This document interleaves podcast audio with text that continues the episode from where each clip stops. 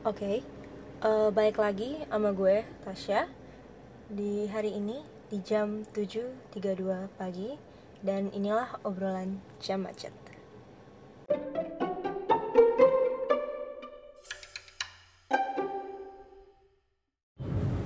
Oke, em, obrolan jam macet hari ini Gue mungkin akan memulai dengan apa ya pertanyaan gitu kalian excited nggak dengan eh, sebagai anak muda ya sebagai anak muda excited nggak sih dengan seluruh perkembangan yang terjadi di sekitar kita gitu ya terserah lah dengan dengan entah itu dengan perubahan yang terjadi di lingkungan kehidupan lu atau dengan perubahan yang terjadi eh, di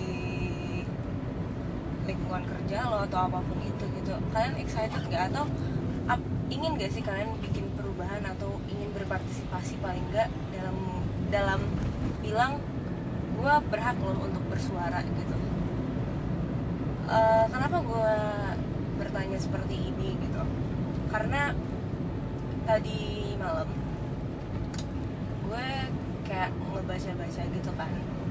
Ya sebenarnya sih gue kayak nggak sotoy aja sih tadi malam itu tiba-tiba ngeliat eh, inter- buka-buka internet dan gue baca ada jurnal soal eh, youth role in politics gitu in participation in politics. Karena ya kebetulan sekarang juga lagi menuju tahun politik juga ya Eh, tahun depan itu bakal ada pemilihan tentang presiden terus tentang ah, bakal ada juga pemilihan eh, caleg gitu kan anggota-anggota dewan.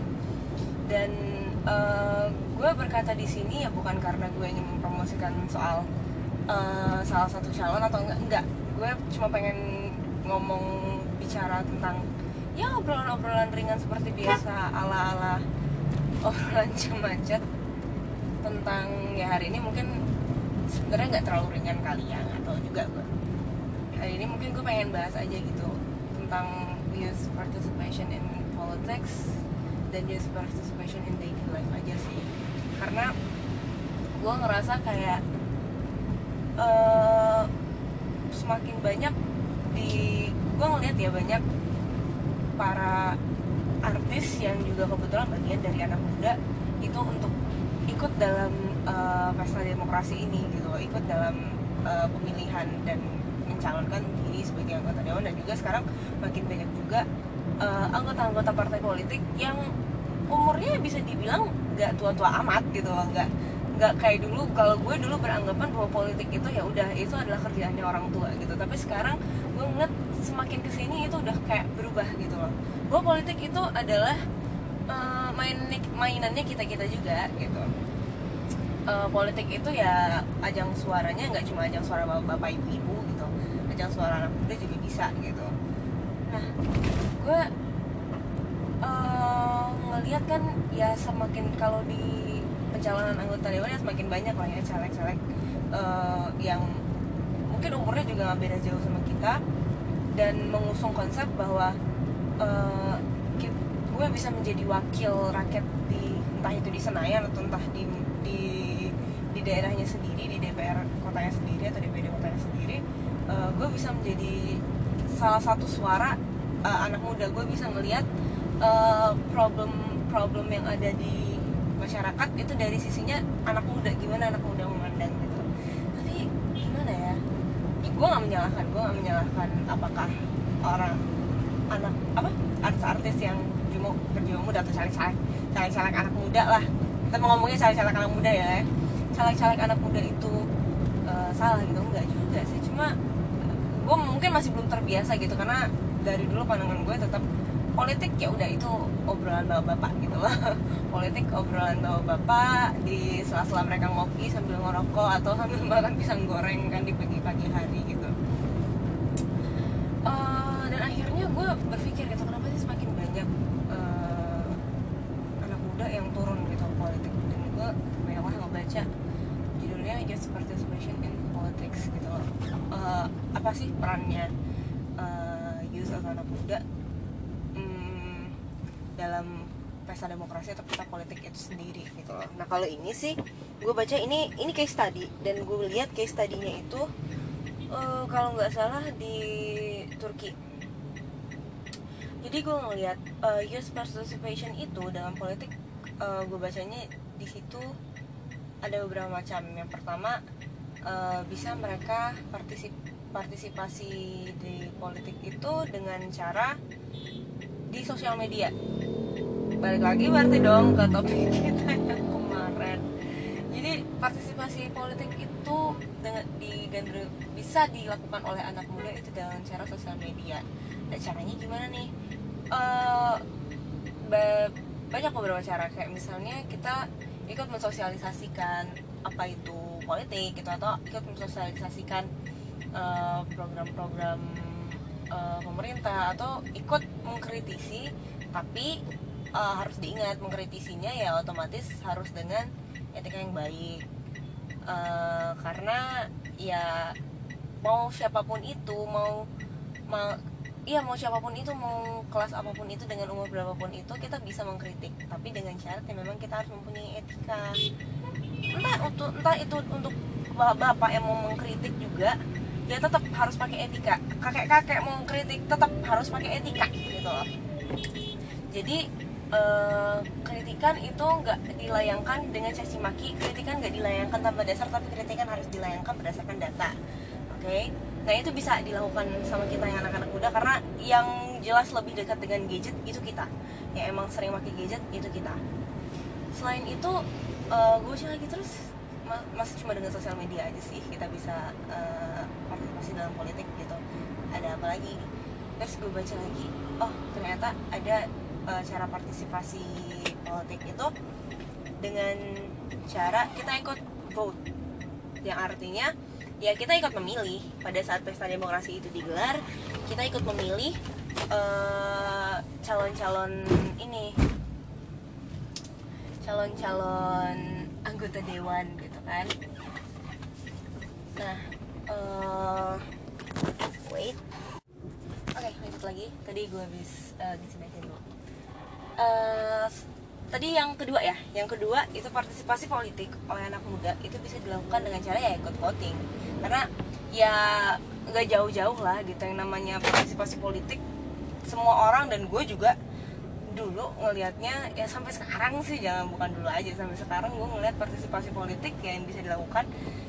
Gue ya apa sih paling cuma paling cuma ngevote paling cuma nyoblos atau contreng pas pemilu ada gitu kan. Nah itu juga itu merupakan salah satu partisipasi politik paling mendasar lah yang uh, ada di yang bisa dilakukan kita sebagai anak muda. Itu yang paling mendasar banget. Uh, dan selain itu selain yang tadi kan ikut dalam sosial media terus ikut ngobrol terus apa lagi? Nah yang ketiga ya kita terjun langsung kita terjun langsung ke ranah perpolitikan yang biasanya kita identikan dengan bapak-bapak, ibu-ibu kan?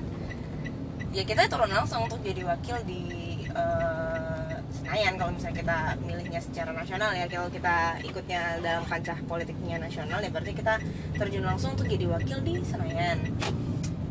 Dan uh, gue ngelihat sampai sekarang ya kayak yang gue bilang tadi sampai sekarang masih agak gue masih agak geli aja sih ada uh, caleg yang dalam programnya itu yang mengusung politik ala anak muda gitu sih. Terus atau politik yang berpihak ke anak muda gitu ya. Gue agak bingung aja sih politik yang ber, berpihak ke anak muda ini gimana gitu kan. Apakah UN ditiadakan gitu kan atau gimana? Atau ujian skripsi ditiadakan gitu kan. Gue agak bingung aja sih politik yang berpihak ke anak muda ini gimana. Karena gue juga stick ya itu lagi itu tadi gitu loh. Gue belum bisa belum bisa berpikir gitu loh.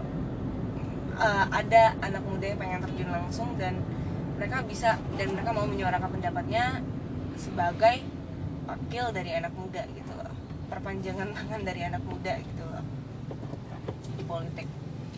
Dan gue ngeliat lagi gitu kan. Iya banyak sih memang sebenarnya memang banyak partisipasi kita yang bisa kita lakukan di politik gitu ya. Salah satunya ngevote. Karena karena banyak banget uh, kayak gue banyak ini aja sih gue ngeliat kayak temen-temen gue gue tanya gitu kan eh kalian ngevote atau gimana gitu? Kalian nyoblos atau enggak? Gitu eh, di politik tahun depan gitu.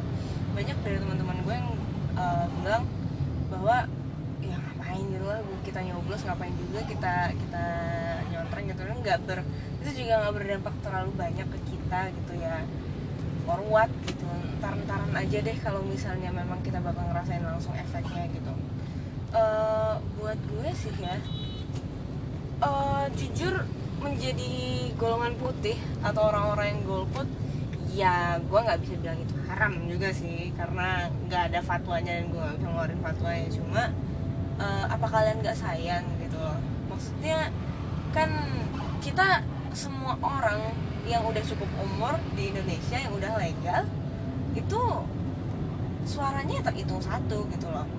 Gue dan bokap gue gue dan nyokap gue ya udah suara kita sama-sama satu gitu loh. Meskipun eh, umur kita beda jauh meskipun pengalaman hidup kita berbeda jauh dan meskipun efek yang akan diberikan dari pemerintahan berikutnya juga ya pasti juga mungkin mereka akan lebih merasakan atau dan kita juga nggak terlalu ya apa sih gitu ngapain gue gue nyoblos gitu ngapain gue ikut partisipasi toh gak ada efeknya juga. Nah menurut gue pikiran begini sih yang mesti dihilangkan. Pikiran yang merasa bahwa ini nggak ada efeknya gue sama sekali tapi ya ngapain jadi ngapain gue ikutan gitu Eh, gimana ya? Gue ngeliat partisipasi itu sebenarnya yang kita butuhkan gitu kayak menghilangkan rasa apatis dari kita kita gitu loh. Karena jujur gue sebelumnya sih sebelum sebelumnya juga ya gue nggak langsung sadar sih kenapa ini ini ini penting kenapa ini penting gitu kan ya gue juga nganggap diri gue benar juga gitu. gue mulai sadar kenapa politik atau partisipasi kita yang para golongan putih yang rata-rata emang rata-rata kebanyakan itu dari kita anak muda gitu loh kenapa kenapa penting menurut gue sih karena waktu itu gue ngeliat ya peristiwa di United States sih menurut gue yang bikin gue sadar gitu. Waduh presidennya begini gitu loh yang dapet. Itu hasil karena kalau nggak salah memang banyak eh, orang-orang yang golput karena mereka ngerasa bahwa ya my vote ya. Karena mereka ngerasa juga it doesn't matter gitu loh siapa yang siapa yang kepilih juga ya terserah gitu gue ya bakal jalanin hidup gue gini-gini aja gitu ya. Banyak yang berpendapat seperti dan akhirnya terpilihlah Trump. Bapak yang mulia bapak yang mulia itu kan terpilih dia. Dan kalau nggak salah sih banyak yang waktu itu iya kurang suka gitu loh. Kenapa dia yang terpilih instead of uh, Hillary? Iya kalau menurut gue sih kalau misalnya lu nggak ikutan vote lu nggak ikutan uh, milih ikutan dalam pesta demokrasi kemarin ya lu nggak bisa nggak bisa ikutan protes gitu loh lu terima aja karena kan prinsipnya kemarin gue nggak mau ngevote karena toh hidup yang akan dijalanin gue begitu begitu aja gitu kan. Ya terima dong kalau misalnya kita nggak ini. Karena itu adalah sesuatu yang orang pilih gitu loh. Orang yang pilih kan untuk kita bersama. Kita nggak punya hak untuk eh, apa kita nggak punya hak untuk protes gitu. Menurut gue menurut gue. Dan akhirnya kan mungkin akhirnya setelah itu kayaknya banyak yang sadar bahwa oh iya gitu bahwa bahwa ya termasuk gue. Tapi nggak tahu lah yang lain ya. Tapi menurut tapi setelah itu gue sadar bahwa ya partisipasi siapa pun dalam politik ya kalau misalnya dia udah cukup umur yang memang udah masuk usia yang legal dalam eh, memilih atau usia legal dalam hukum untuk memilih untuk apa pun itu ya lu ikut berpartisipasi gitu loh. Eh, lu punya hak gitu loh. Ya gunakan hak lo gitu.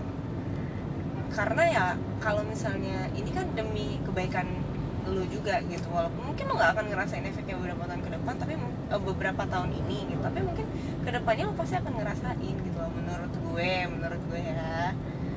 Dan di Twitter kemarin tadi malam tadi malam banget gue ngeliat eh, kayak campaign dari Burger King Burger King branch di Brazil. Dan dia mau menyadarkan gitu menyadarkan orang-orang tentang pentingnya untuk memilih pentingnya untuk mempergunakan suara eh, kita untuk memilih gitu loh. Jadi di saat campaign itu tuh itu anak-anak muda anak-anak muda semua. Yang masih ya umur-umur ini yang gue terhitung anak muda itu yang kayak umur 17 sampai sampai 30-an awal itu menurut gue itu masih muda ya. Itu masih muda itu. Jadi di umur-umur segitu para partisipannya. Jadi di situ mereka eh, ngasih tahu kalian eh, tentang memilih gitu. Mereka ikut mau ikut memilih atau enggak gitu dari dari videonya gue lihat. Dan banyak yang choose no no I'm not I'm not gonna I'm not gonna vote. Eh, untuk mendesain menunya gitu oke? Jadi di situ tuh mereka mau bikin menu baru dan itu membiarkan orang untuk ngevote apa aja sih topping yang ada di ininya di menu barunya menu barunya itu. Dan banyak yang bilang no I'm not gonna vote. Jadi ya silahkan dia menyerahkan kepada orang kan? Beberapa beberapa sekitar 10 atau 15 eh, partisipan bilang I'm not gonna vote gitu loh. Silahkan kalian yang eh, yang me- me- me- memilih gitu memilihkan untuk kami orang-orang yang lain oke. And then setelah itu keluarlah keluarlah result menu barunya dan menu barunya itu ya udah itu cuma bun sama onion aja gitu. Iya kayak bun onion oh ada satu lagi mayonnaise. Jadi kayak cuma tiga tiga bahan itu. Ini roti di atasnya ada bawang bombay dikasih mayonnaise dikit udah. Terus dibilang and then itu kan itu masih di wrap ya masih di wrap banget. Di wrap dan mereka bilang eh, how do you feel? kata kata si ininya kata yang wawancara. How do you feel? Wow ini light banget ini ringan banget gitu. Kayak nggak kayak Burger King biasanya bilang kan. Terus eh, silakan dibuka dan dibuka kan. Dan setelah dibuka ya itu ada isinya mereka nggak tahu isinya apa mungkin ada yang belum melihat gitu apa. Mereka langsung makan. Tetap langsung mereka masukkan ke mulut dan mereka bilang dan ditanya "Uh, how's the taste? Dan mereka bilang it's horrible. Ya of course lah kan. Mana ada sih orang yang mau makan uh, roti sama bawang bombay doang dikasih mayonnaise dikit gitu kan. Terus how how how's the taste? gitu. How's the taste? Dan mereka bilang it's horrible. Itu nggak enak gitu. Dan dibilang kalian setelah ini gimana? gitu Eh, mau komplain.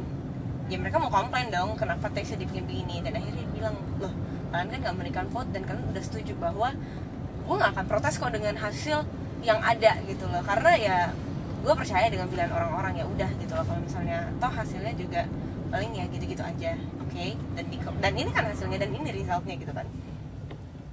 Dan akhirnya eh yang wawancarai tadi bilang terus gimana ke depannya kalian akan menerima ini. Eh, ya otomatis partisipan pada bilang dong ya enggak lah gitu. Karena ya rasanya nggak enak gitu. Dan gue nggak bisa ngebayangin kalau menu baru ini akan bertahan selama 4 tahun ke depan gitu dia bilang kan. Eh, ya mungkin next time ya gue akan memilih gitu loh. Karena setidaknya walaupun kita udah milih dan ya hasilnya mungkin gak terlalu sesuai tapi setengahnya kami udah berpartisipasi dan ya berhak dong untuk protes gitu loh paling enggak gitu. Atau berhak untuk mau mengkritik membangun untuk menjadi yang lebih baik lagi gitu istilahnya. Karena kalau misalnya protes protes itu kalau menurut gue kata protes itu bukan protes yang lo main asal asal protes asal demo tanpa data yang konkret terus tanpa ngelihat sisi baik sisi buruk dari pemerintahan yang ada ya. Yang menurut gue kata protes itu adalah lo mungkin eh, melihat suatu kebijakan yang nggak sesuai dengan dengan dengan mungkin nggak sesuai dengan pa- pandangan lo atau beberapa orang.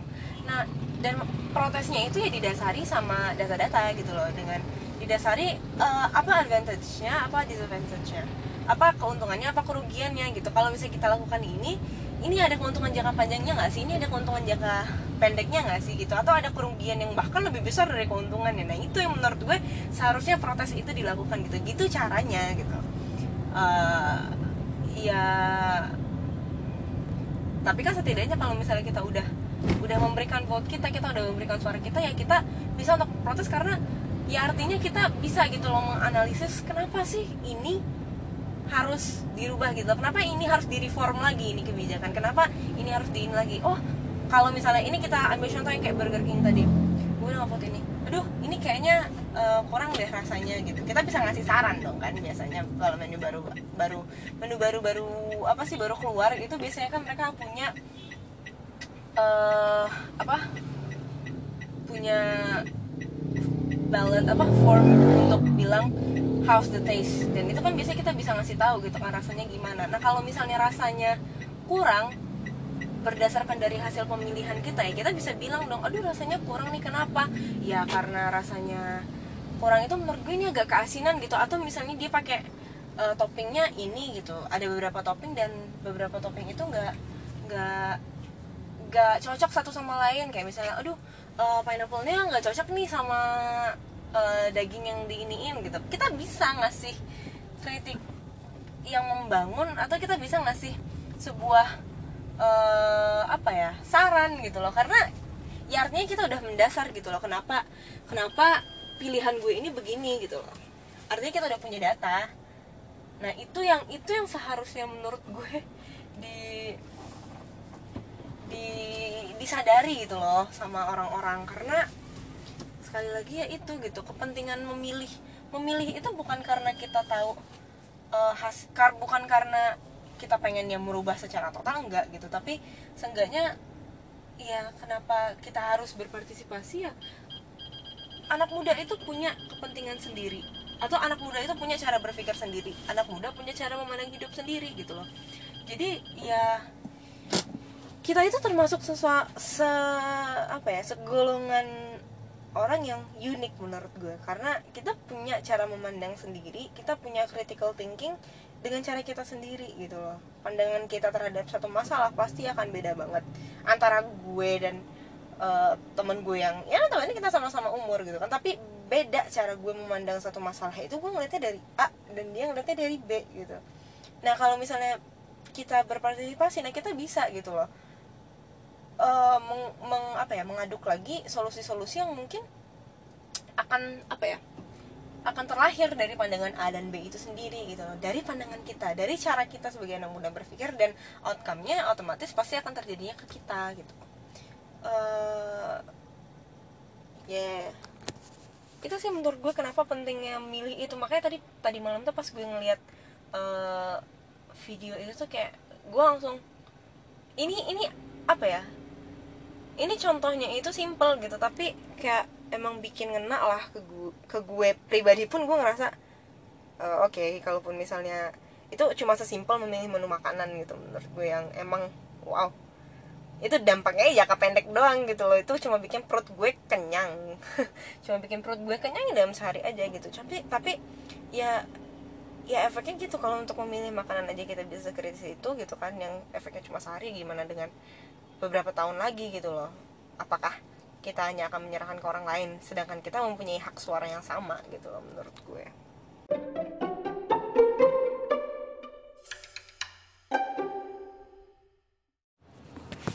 Oke, okay. kayak yang gue bilang tadi bahwa kita itu anak muda merupakan generasi yang menurut gue ya secara pribadi itu unik. Kenapa gue bilang kita unik? Karena menurut gue uh, anak muda ya yang gue ambil lah sekitar dari umur hmm, 20 awal sampai 30 awal itu menurut gue itu masih terhitung itu anak muda sih menurut gue uh, masih kita dalam tahapan apalagi yang early 20s ya itu masih dalam tahapan pencarian uh, siapa gue sebenarnya gitu. Uh, masih berpikir gue harus jadi apa apa yang harus gue lakukan ke depannya. Itu kita masih uh, kayak meraba-raba kalau menurut gue. Dan gue pun ya masih seperti itu gitu loh. Masih ngerasa gue ini harus gimana sih untuk hidup gue sebenarnya gitu. Nah dan juga gue pribadi uh, ngerasa gimana ya karena kita masih dalam proses tahapan katakanlah kita masih mencari jati diri mencari apa tujuan kita sebenarnya uh, dalam hidup ya. Agak berat ya. Uh, maka dari itu rata-rata kebanyakan kita itu punya pandangan yang berbeda gitu loh dalam memandang satu masalah. Katakanlah gue dan dengan teman gue yang memang punya umur yang sama persis sama tapi kan uh, yang ada dalam pikiran gue dengan pikiran dia terhadap suatu masalah pasti akan berbeda ya kan? Jadi kalau menurut gue itu kenapa kita ini unik. Karena kita masih dalam proses pencarian jati diri yang otomatis cara pandang kita terhadap sesuatu itu akan berbeda dari uh, generasi yang lebih awal. Uh, ya which is itu orang tua lah, atau kakek atau nenek atau om tante. Cara pandang kita pasti akan sangat jauh berbeda. Dan juga uh, generasi kita itu menurut gue kan sempat gue bilang kita udah sangat tersentuh gadget zaman kita. Dan uh, gimana ya? Karena kita udah kesentuh gadget otomatis uh, pemikiran kita terhadap uh, dunia lah ya. Pemikiran kita terhadap dunia itu ya menurut gue sih nggak sempit gitu loh. Karena kita udah tersentuh gadget yang mana gadget itu kan dia cakupannya luas kan itu bisa ke seluruh dunia gitu kan. Jadi uh, cara pandang kita ya juga nggak sempit gitu loh. Kita bisa melihat dari berbagai sisi. Karena kita udah kesentuh gadget gitu. Dan juga kita udah sangat tersentuh sama yang namanya pendidikan.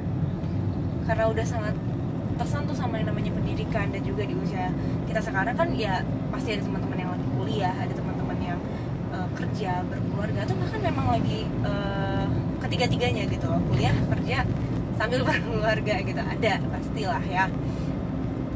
Dan menurut gue karena faktor yang ini critical thinking kita itu jauh lebih develop daripada generasi uh, yang lebih duluan dari kita. Sangat jauh lebih develop. Dan critical thinking kita inilah yang menurut gue menjadi advantage tersendiri. Uh, kalau misalnya kita ikut berpartisipasi dalam sesuatu ya salah contohnya itu adalah politik gitu kalau misalnya kita berpartisipasi dalam menyuarakan pendapat kita terhadap sesuatu uh, menurut gue gak ada salahnya karena emang kita dari awalnya sendiri kita emang udah jauh lebih develop ya ininya. Uh, apa critical thinkingnya menurut gue. Menurut gue. Jadi menurut gue ya kan jadi kalau di pendapat gue ya kenapa disia-siakan gitu? Kenapa kita harus takut untuk berpendapat? Kenapa kita harus takut untuk berpartisipasi gitu? Kenapa kita menjadi golongan putih kalau misalnya ya gue bisa bersuara gitu loh dengan cara pandang gue sendiri gitu ya? Siapa tahu cara pandang kita uh, bisa diaplikasikan atau bahkan menjadi suatu um, bantuan tersendiri terhadap uh, ya katakanlah kebijakan-kebijakan yang ada gitu. Bisa jadi. Ya itu kan dengan cara ya kita berpartisipasi ya. Entah itu lo mau menyuarakan pendapat lo di uh, sosial media entah itu lo mau menyuarakan pendapat lo dengan cara lo emang terjun langsung atau bahkan ya lo ikut sertanya paling minimal ya vote lo nyoblos lo ikut dalam pagelaran demokrasi ini gitu. Daripada lo harus berdiam diri di rumah dan capek-capek untuk me, apa ya mengeluh. Ya dengan sebuah perubahan yang sebenarnya kita dari awal bisa gitu bikin itu gitu loh. Uh, mungkin dari beberapa kita ya termasuk gue sih termasuk gue sampai sekarang juga. Kenapa sih gue kita masih takut untuk uh, menyuarakan apa yang kita pikirkan? Kalau dari pendapat gue sendiri kal dan dari gue pribadi kenapa gue takut untuk menyuarakan pendapat? Yang pertama hmm, kita takut untuk disalahkan. Kita sangat takut untuk disalahkan. Ya gue pun seperti itu gitu loh. Kita lebih memilih untuk diam bahkan sebenarnya kayak kan banyak teman-teman kita yang emang kuliahnya emang di politik gitu kan emang di political science. Emang ya itulah uh, apa ya makanan mereka sehari-hari gitu loh selama beberapa semester mereka mengenyam itu. Dan menurut gue ya pasti sedikit banyaknya mereka lebih memahami gitu daripada kita kita kayak katakanlah gue kuliahnya bukan di political science gitu tapi dan teman-teman gue ya pasti akan lebih memahami politik gitu dari cara pandang mereka dibandingkan gue gitu. Tapi kenapa masih banyak takut untuk bersuara? Kalau dari pendapat gue sendiri sih gue pun takut untuk bersuara karena kita takut untuk disalahkan. Kita takut untuk tidak didengar gitu loh. Karena uh, banyak yang menganggap bahwa ya termasuk bokap nyokap gue lah terkadang terkadang bokap nyokap gue juga masih beranggapan keluarga gue juga masih beranggapan uh, masih anak kecil udah masih anak kemarin sore nggak usah lah. Sok-sok ngomentarin sesuatu yang emang ini kerjaannya orang tua. Pasti pasti masih ada yang seperti itu. Ya gue nggak gue nggak ingin juga. Keluarga gue masih seperti itu ke gue gitu. Uh, jadi ya menurut gue ya karena itu gitu. Nah itu sih kenapa menurut gue pentingnya selain dari dalam diri kita kita udah punya urge nih untuk mau berpartisipasi kita udah punya keinginan untuk lebih aktif tapi kalau misalnya kita di hmm, patahkan dipatahkan dengan dari lingkungan terdekat kita kayak udah lah ngapain? Kamu tuh masih anak kemarin sore. Itu biasanya tuh orang tua atau ya keluarga terdekat lah yang umurnya lebih tua di atas kita tuh kamu tuh masih anak kemarin sore nggak usah ikut ikutan urusan orang tua deh. Nggak usah dalam hal politik ya. Nggak usah dalam hal politik aja. Dalam hal biasa kayak mungkin ada urusan ada permasalahan lah yang mungkin kita merasa cara pandang kita kayaknya uh, bisa deh ikut untuk menyelesaikan gitu untuk nge-solve permasalahan yang ada gitu dalam ya katakanlah di keluarga lo ada masalah gitu di keluarga gue ada masalah dan cara pandang gue gue ngerasanya kayak ini solusi yang dikasih sama nyokap bokap gue ini kayaknya uh, masih bisa lebih efisien kalau misalnya digabungkan dengan pendapat gue gitu atau mungkin uh, ada gue kalau misalnya dia bersuara kayaknya lebih efektif seperti ini ya siapa tahu itu itu itu terkadang yang yang dilupakan gitu loh oleh para para uh, generasi di atas kita gitu.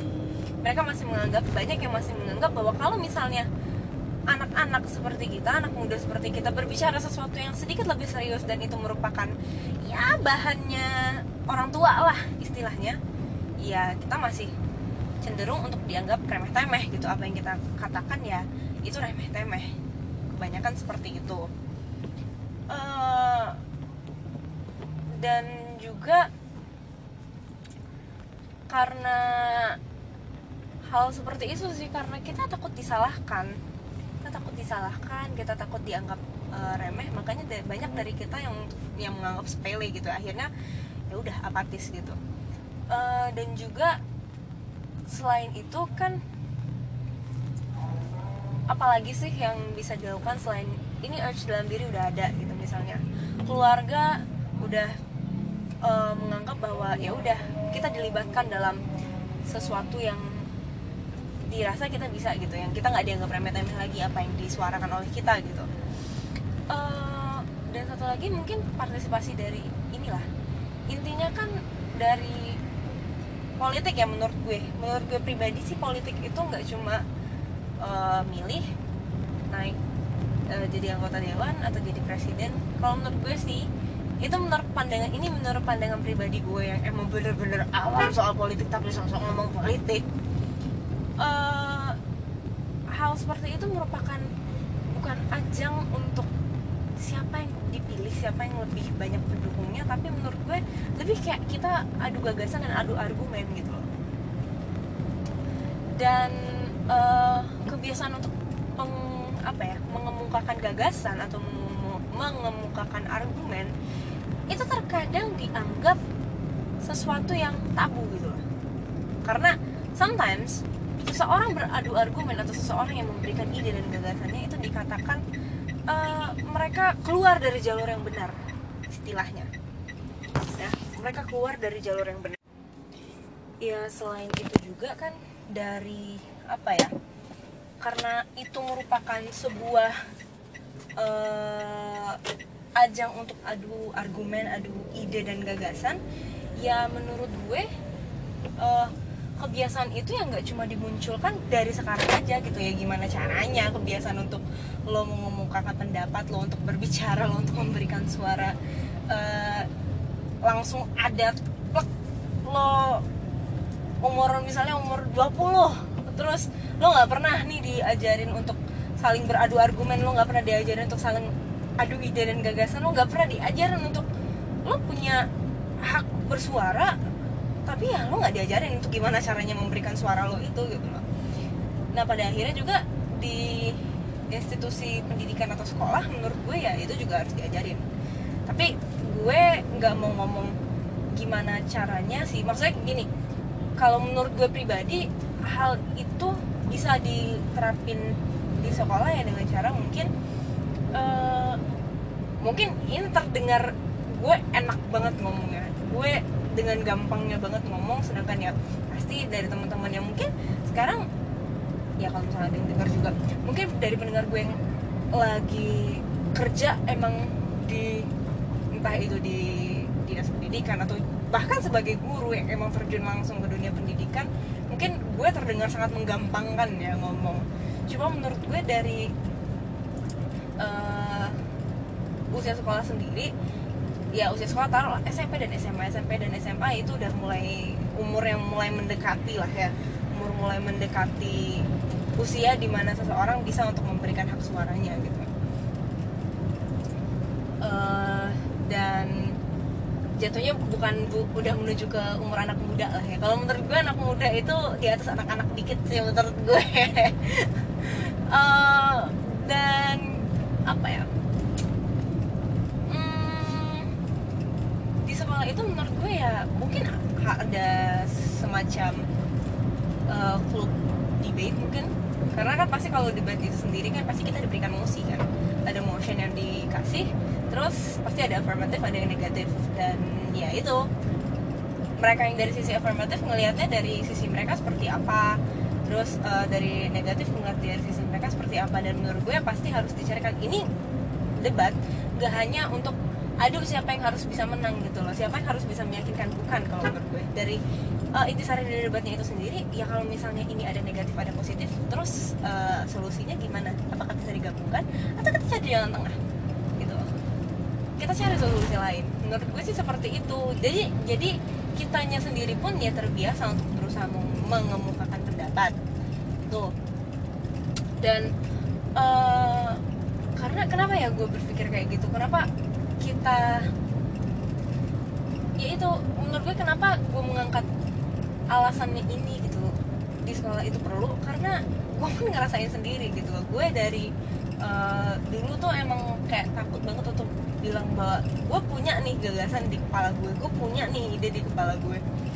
Dan di saat kita diberikan sesuatu untuk eh, kita diberikan nih trigger disuruh untuk brainstorming dengan tak ini ada emosi.